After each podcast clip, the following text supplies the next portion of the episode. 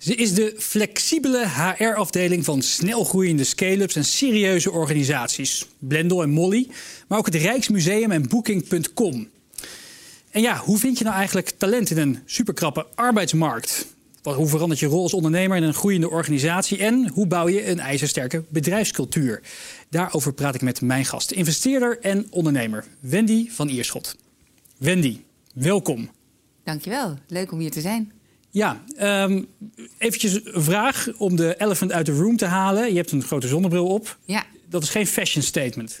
Was het maar zo. Nee, het, is een, het heet een filterbril. En uh, ik heb aan beide ogen netvlieslosslatingen gehad... waardoor ik aan, met het ene oog een bewegend beeld heb...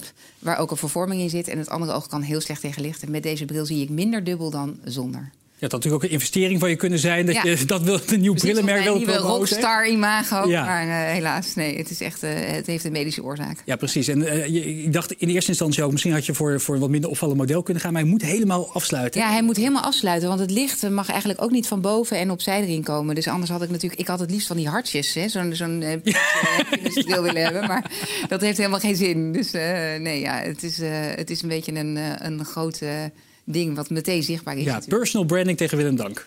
Ja, ja ik, uh, ik moet er zelf nog een beetje aan wennen, want het is nog niet zo lang dat ik deze bril heb, een, maand, een paar maanden. Uh, maar het begint nu inderdaad dat ik uh, denk: oké, okay, nou jongens, dit is het. En nu, nu moet ik het er ook maar mee doen. Keuze: ben je een ondernemende investeerder of een investerende ondernemer? Een investerende ondernemer. Ja? ja. Ondernemen blijft bij de basis. Absoluut, ja. Oprichter van V-People, dan gaan we daarmee beginnen namelijk. Ja. V-People, voor de mensen die het niet kennen, wat doet je bedrijf? Ja, ik vond dat jij het eigenlijk in je intro fantastisch verwoordde. Uh, wij zijn de HR-afdeling voor snelgroeiende organisaties, uh, waarbij we ons met name richten op bedrijven die echt willen innoveren of een innovatief organisatiemodel hebben. Uh, waarvan we eigenlijk zeggen tot 150, 200 man kun je eigenlijk niet een echt een, een, een HR-afdeling opzetten die jou helpt om zo snel te groeien. Wij werken typisch voor organisaties die uh, vandaag 35 man hebben en uh, 15, 20 vacatures. Dus soms wel verdubbelen in een jaar, twee, drie jaar tijd, ieder jaar op rij. En dat vergt iets van een organisatie wat iets totaal anders is dan gewoon een leuke, jonge, frisse HR-dame aannemen. En dan heb je en hele grote recruitment-uitdagingen, maar ook in hoe bouw je die organisatie op? Wie zet je in het MT? Wat voor cultuur wil je eigenlijk? Uh, hoe wil je je branding doen op de arbeidsmarkt? Nou, alles komt er dan in één keer bij kijken. En daar hebben wij ons in gespecialiseerd. Even naar de basis, mensen. Ja. Waarom willen ondernemers mensen in dienst hebben? Ja, dat is wel grappig, want er is een tijd zo'n rage geweest om alleen maar met ZZP'ers te werken. Hè? Dus ja. juist niemand in dienst. Ik had nog een vriendje van mij, uh, die heeft me nog keihard zitten uitlachen in het begin. dat jij mensen gaat aannemen en uh, dat moet je helemaal niet doen. Alles wordt flexibel. En. En uh, nou ja, ik, ik, ik heb daar een sterke mening over. Namelijk, ja, een flexibele schil is natuurlijk altijd handig. Maar uiteindelijk, als je echt een merk wil bouwen, heb je mensen nodig die echt zich committen aan jouw bedrijf. En een freelancer commit zich aan zijn eigen bedrijf en wil best wel met jou werken, maar die is toch niet op lange termijn bezig om, om jouw bedrijf groter te maken. Um, nou, en als je dan zegt over ondernemers, ja, de meeste ondernemers beginnen met een goed idee. En dat wil je, uh, dat wil je aan zoveel mogelijk mensen in de wereld laten zien. En dus moet je een organisatie opbouwen om dat ook. Uh, uh, ja, om daar ook echt impact uh, mee te maken. En dan hoort het erbij dat je mensen gaat aannemen ja, uiteindelijk. En dan toch is mijn ervaring wel een beetje, als je met ondernemers zo hè, ja. links en rechts spreekt, dat, dat het ook wel veel, veel wordt ervaren als gedoe. Tuurlijk, want zorgen, ik zeg altijd van stress. Uh, ik wens je veel personeel, hè? Ja. Grote grap. En daarom zeg ik altijd tegen ondernemers van uh, ik vind dat het allerleukste. Dus het allerleukste en mijn team ook om te kijken hoe krijgen we nou met jouw product en met jouw visie en met wat jij wil doen, hoe zet je een organisatie op waar je zelf ook door geïnspireerd wordt en die jouw product, idee, dienst veel beter maken dan wat jij zelf in je eentje had kunnen doen. Uh, maar dat is ook een vak. En dat vind ik nog wel eens frustrerend. Want omdat we allemaal mensen zijn, denken we ook van... oh ja, maar ik kan wel aardig met mensen opschieten... en ik ben wel een leuke gast en uh, iedereen wil wel voor me werken. Dus ik weet ook hoe ik een goede organisatie neerzet... of hoe ik een goede cultuur neerzet. Maar dat is dus echt niet zo. Is het een statussymbool? Mensen in dienst hebben? Mm -hmm. Zeker, denk ik wel, ja. Gek genoeg. Maar eigenlijk is omzet trouwens in de ondernemerswereld vind ik omzet een grotere status. Hè, terwijl dat helemaal niet iets zegt over of Nee. je geld verdient. Want je kan heel veel omzet hebben, maar Komt 30 miljoen binnen, maar gaat 60 uit. Precies. Je zou bijna kunnen zeggen dat op dit moment eh, het bedrag wat je als investering ophaalt misschien nog wel meer status heeft eh, dan het aantal mensen of hoeveel je verdient. Eh, maar het is zeker wel zo dat je natuurlijk dat het een KPI is die aangeeft hoe succesvol je bent. Hè, dus wordt heel vaak, hè? Dat mensen zeggen van, nou, ik heb dit in het bedrijf. Oh, hoeveel, hoeveel mensen eh, werken ja, daar? Ja, precies. En dat, het is natuurlijk een indicator van eh, hoe groot je bent. Hè. Als je twee, met twee mensen iets doet. Eh, ik vind het overigens wel grappig dat ik eh, ben ook verbonden als boardmember aan de X-Tex Project. Een, een, een project eh, van Femke wat uit de nalatenschap eigenlijk van Eckhart Winsen komt. En die doen met z'n tweeën, met z'n drieën, een heel klein team... hebben ze een waanzinnige impact op het fiscale beleid... en, en ideeën over hoe we eigenlijk die duurzaamheidskant op kunnen... met ook fiscale ingrepen. En daar kijken we wel eens naar van dat je denkt... die, die staat gewoon op het World Economic Forum... terwijl ze met z'n drieën zijn. Hè? Dus het zegt niks. Ja. Het aantal mensen zegt niet iets over de impact. Je kunt met heel weinig mensen, zeker nu in de technologiewereld... Hè, kan je met hoeveel mensen had WhatsApp toen ze Ja, 60 zoiets. Ja, Toen ze voor, toen ze voor, voor, voor 9 zoveel- miljard werden overgenomen. Precies. Dus, dus, dus in die zin verandert het wel. Maar vroeger was het natuurlijk zeker zo. Hoeveel mensen, hoe meer mensen, hoe, eh, hoe groter je bedrijf. Maar ja, voor jullie is het natuurlijk luc- lucratief meer mensen.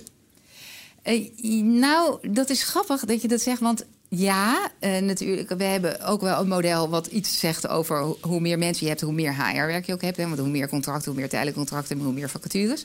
Eh, ik ben heel erg voor om jou als ondernemer het gevoel te geven dat je niet te veel mensen in dienst hebt als nodig. Ik zie heel veel start-ups, die gaan heel goed. Ze zijn super op het geld aan het letten. Krijg je investeringsronde 1, investeringsronde 2. En eigenlijk bij 2 al zie je dat ze soms te veel mensen hebben aangenomen, niet goed op hebben gelet of die mensen ook echt bij jouw core values passen, eh, niet goed nagedacht over hoe zetten we de organisatiestructuur op. Dus dan heb je op een gegeven moment teams waar je eigenlijk met z'n achter doet wat je, als je er opnieuw naar kijkt, ook met z'n vijf kan doen. Dus eh, wij proberen wel juist echt te sturen op dat je ook niet te veel mensen aanneemt. Jammer genoeg zien mensen vaak niet. Eh, Trouwens, dat dat onze verdienste is. Want eh, wij, wij vragen jou zelf zo goed uit dat jij denkt van... hé, ik Ja, heb de, heel goed goed, goed, goed, bedacht. eh. Goed bedacht. Alleen wij weten eh, uit de praktijk dat als wij er niet bij waren... dat we heel vaak zien dat je zo, voor je het weet... 10, 15 procent te veel mensen in dienst hebt. Misschien een nieuw verdienmodel voor jullie. Dat je ook per, eh, per mindere medewerker een extra Precies. bonus krijgt. Ja, precies. Van, eh, ja. nou, ik heb er wel eens over nagedacht. Van, je zou eigenlijk een soort... eh, en we zijn nu zo'n model aan het maken dat je echt kan zien... in welke fase moet je waarop letten. En eigenlijk zouden we ook daar wel een parameter op kunnen zetten. Dat we eigenlijk wel weten van in die fase zie je eigenlijk... dat je gewoon weer eens goed moet kijken naar het aantal mensen wat je hebt.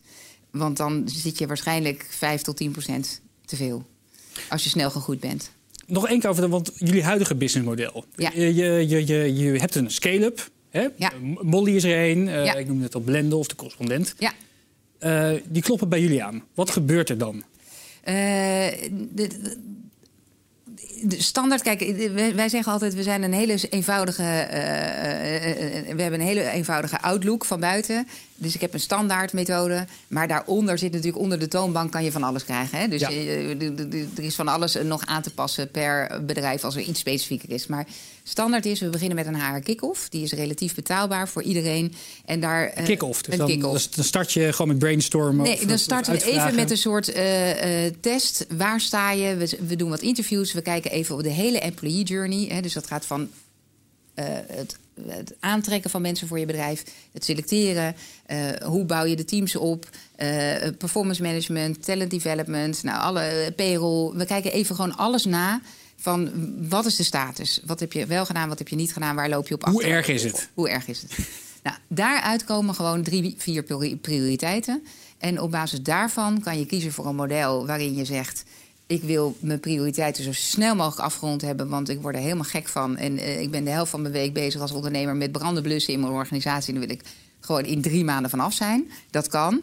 Maar dat betekent dat je natuurlijk even wat meer effort nodig hebt om dat te doen. Of je zegt, nou, ik vind dit superbelangrijk, maar we hebben een, een beperkt budget. Dus spreid het wat uit over een langere tijd. Dus je kan kiezen voor de snelheid waarin je wil dat je uitdagingen opgelost worden. En afhankelijk daarvan zetten we er een eh, maandelijkse fee op die je betaalt.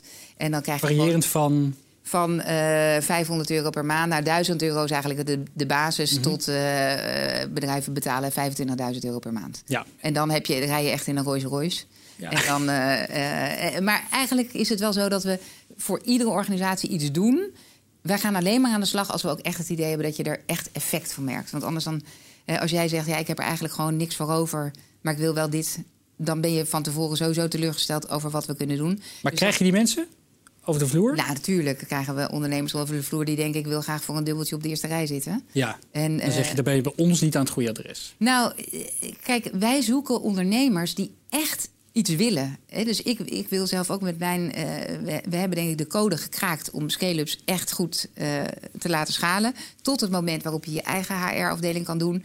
En eh, ik noemde net al even Eckhart Winsen, die zei. En, en nu met Holocracy zeggen ook veel mensen: je moet helemaal geen stafafdelingen.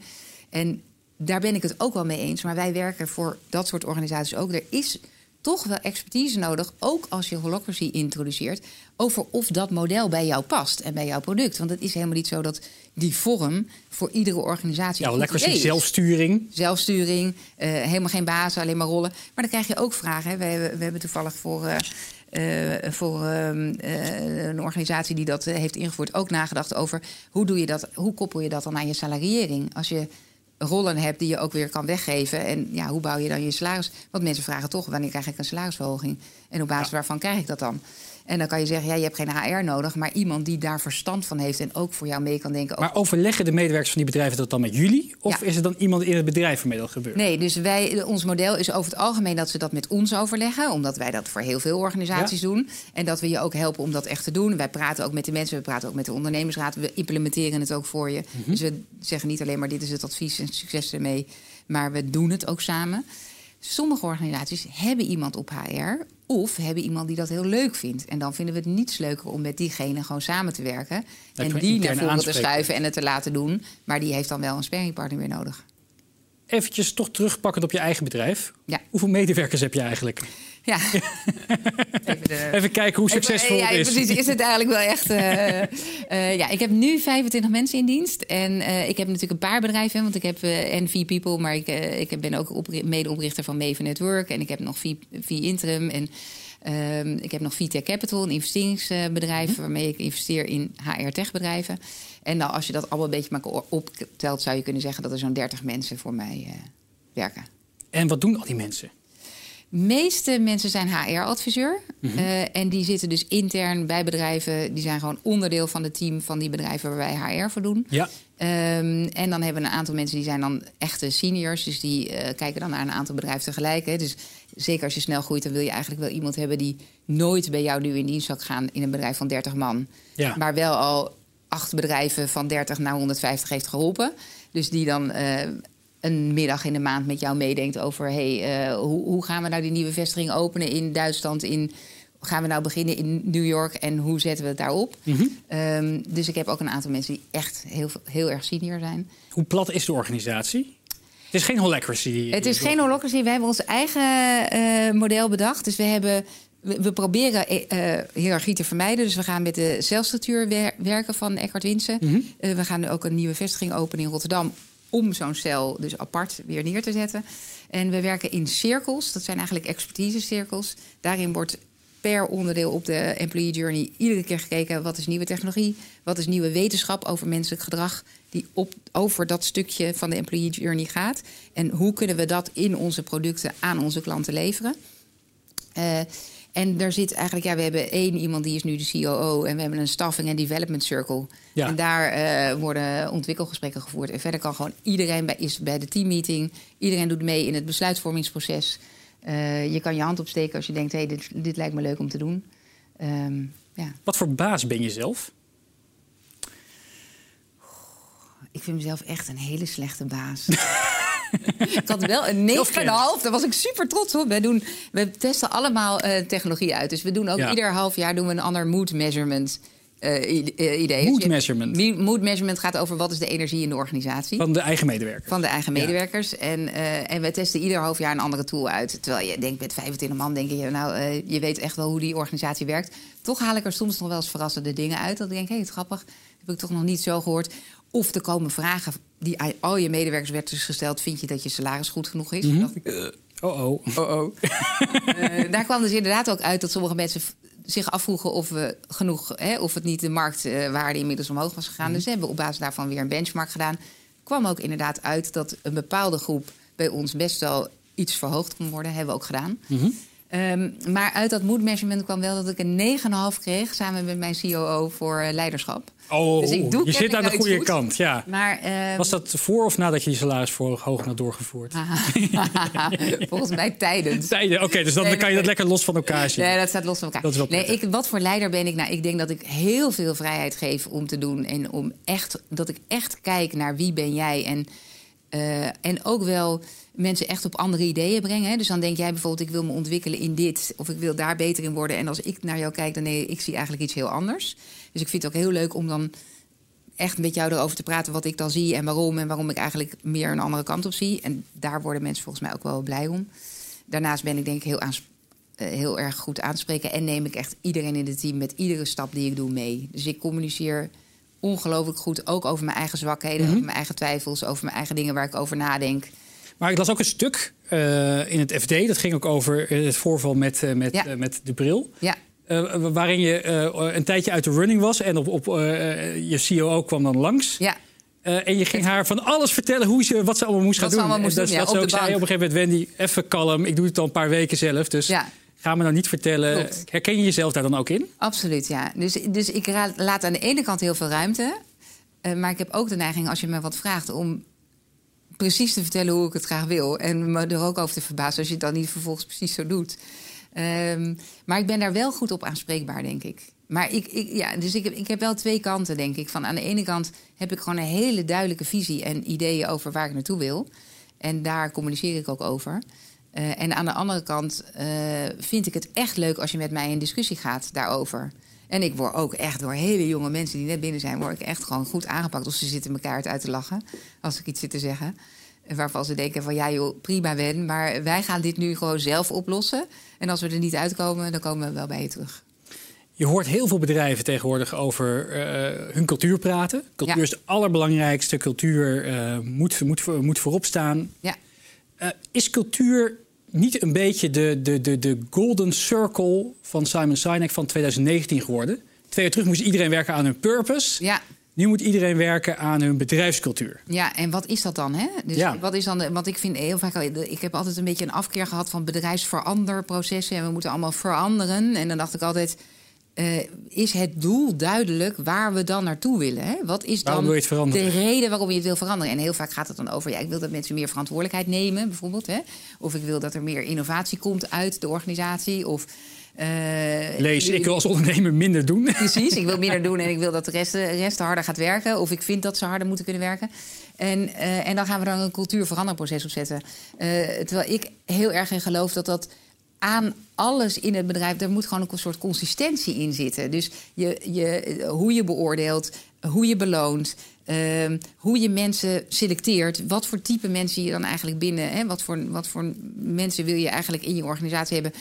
Ehm, en dat moet allemaal consistent zijn. En dat zie je eigenlijk als we het hebben over cultuur. Betekent dat dus eigenlijk? Hè? Als je een sterke cultuur hebt, dan is dat allemaal consistent.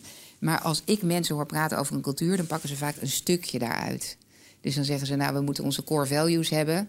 En die hebben we dan. Maar die core values komen niet terug in je beoordelingssystematiek. Of in je onboarding. Of in hoe je me- welke mensen je aanneemt. Ja. Dus dan is het een soort loshangend iets. Maar dat het belangrijk is, snap ik ook wel. Maar net zoals met die Golden Circle twee jaar terug, dat iedereen er opeens opdook als zijnde: dit is de heilige graal tot succes. Lijkt nu dat met cultuur te zijn gekomen. Ja, ja, ik- als ik ik- maar een goede bedrijfscultuur heb en verwoord, dan word ik succesvol. Ja, nou ja, ik, ik, kijk, er is wel iets veranderd in de zin van dat de nieuwe generatie, die ziet.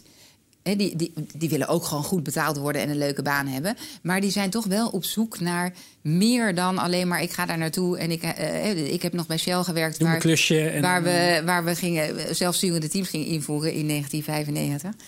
En daar zeiden gewoon operators zeiden gewoon... ja, ik ben hier niet gekomen om eh zelfsturend te zijn. Dat doe ik lekker op de tennisclub. En hier kom ik gewoon mijn geld verdienen. Dat, dat was Ja. gewoon normaal. Nu is het natuurlijk zo dat mensen willen echt wel... die willen leren, die willen vooruit... die willen eh, met interessante andere mensen werken. Dus de vraag van mensen om bij jou te komen werken... maar ook eh, om te blijven, om mensen binnen te houden gaat wel over eh, dat er een match is tussen wat je mensen voorspiegelt wat ze bij jou krijgen en wat ze dan uiteindelijk ook krijgen als ze bij jou binnen zit.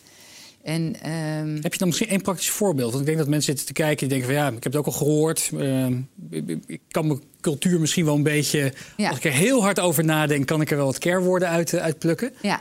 wat is nou, wat is nou één tip om mee te beginnen? Ja. Naast jullie in te huren natuurlijk. Ja, om echt dank je. een Ja. supersterke bedrijf. Nou, ik vind een voorbeeld uit ons eigen, ehm, uit ons eigen bedrijf is bijvoorbeeld wij hebben een kernwaarde die gaat over beter maken. Dus wij zeggen een van onze kernwaarden is dat we altijd bezig zijn om dingen beter te maken bij de klant, maar ook binnen bij onszelf altijd alleen maar focus op wat kan er beter.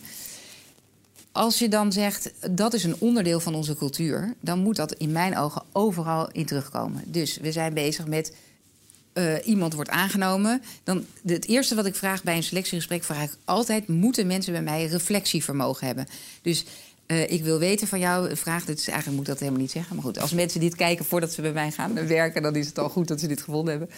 Eh, maar dan vraag ik altijd: eh, wat heb je nou het afgelopen jaar gedaan waar je feedback op hebt gekregen waarvan je dacht: oh, dat doet pijn, maar ze hebben wel een punt.